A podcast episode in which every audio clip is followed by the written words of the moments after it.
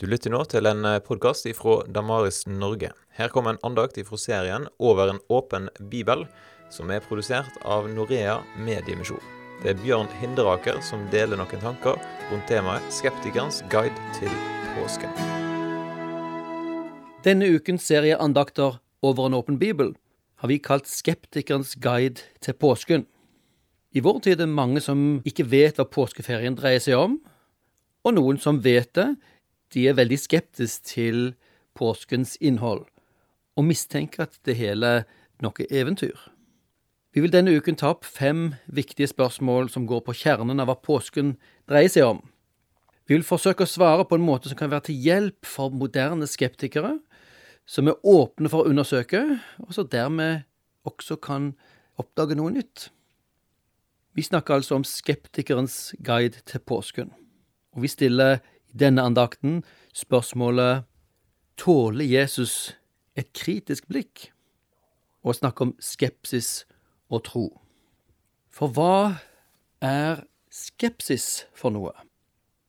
Skepsis kan være mye forskjellig. Det kan være alt fra at man bare er litt nølende til å akseptere ting, til at man er helt lukket og utelukker tro på ting. Det var en fin eh, definisjon på Wikipedia som jeg fant, som kan være nyttig å starte med. En skeptiker er ikke den som tviler, men den som undersøker og utforsker, i motsetning til den som hevder og tror at han har funnet det. Hvis vi tenker på skepsis, så kan vi nok alle være enige i at vi trenger noe skepsis. Ellers blir vi både fattige, forvirret og frustrert. Vi kan jo ikke tro alt, og bør ikke tro alt. Internett og fake news illustrerer jo sterkt dette behovet vi har for faktisk å være skeptisk til noe av det vi hører på.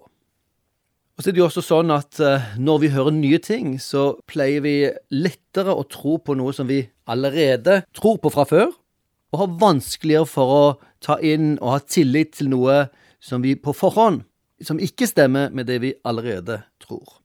Og det er jo interessant, uh, for uh, skepsis og tro er jo ikke motsetninger, egentlig. Fordi enhver skepsis bunner jo en eller annen form for tro. For er du skeptisk til noe, så er det jo alltid fordi du på forhånd har en eller annen oppfatning som gjør at den nye tingen som eh, forelegges deg, vanskelig kan aksepteres. Så både skepsis og tro har faktisk med tro å gjøre. Og både skepsis og tro kan være sneversynte. Både skepsis og tro innebærer jo på sett og vis å ta en stilling og både vår skepsis og vår tro har faktisk konsekvenser. Hvis vi tenker for eksempel på eh, holocaust.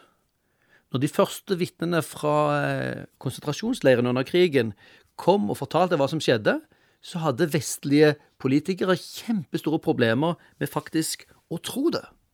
Det hørtes så vilt, det var så galt, og de som hadde opplevd dette, var jo selvfølgelig ikke objektive.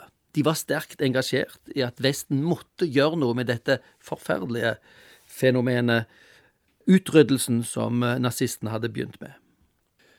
Både det å tro og det å være skeptisk er noe man da har altså ansvar for. Det gjelder også som tema rasisme. Hva du tror på, har konsekvenser for andre, og du har faktisk ansvar for både de holdningene du har, de verdiene og hva du tror på og hva du velger å tro på. Det er lurt å tenke at um, både skepsis og tro trenger å være i sunne former. Vi trenger å være bevisst hva vi tror på. Vi trenger å være bevisst de forutsetningene vi bringer, eh, og som kan få oss til både å tro på ting og være skeptiske ting. Og vi trenger å ta ansvar for vår valg. Hvis vi anvender dette her på Jesus, så kan vi jo si at um, Jesus møter mye skepsis i sin karriere eller sin tjeneste. Og det helt opplagte eksempelet er jo de religiøse lederne som eh, kalles fariseere eller sadukere på Jesu tid. Og dette var en gruppe som han kom i konflikt med, og som da tydeligvis ikke var åpne engang for å vurdere hva Jesus hevdet. Det var sånn i konflikt med det de allerede sto for og er deres interesser.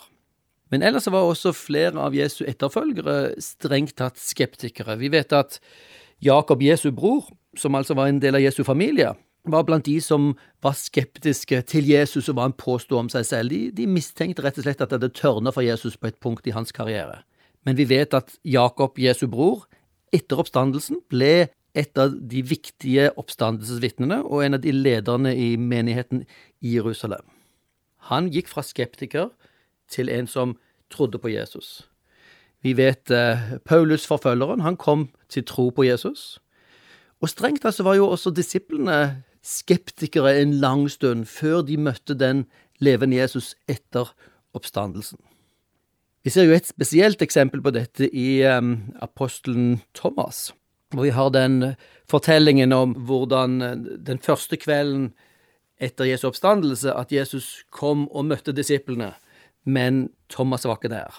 Og så en uke etter så er Thomas sammen med de andre, og så har uh, Thomas før dette sagt at nei, han ville ikke tro på dette her, og ikke før han kunne sette fingeren i sårmerkene hans, ville han tro at Jesus hadde stått opp.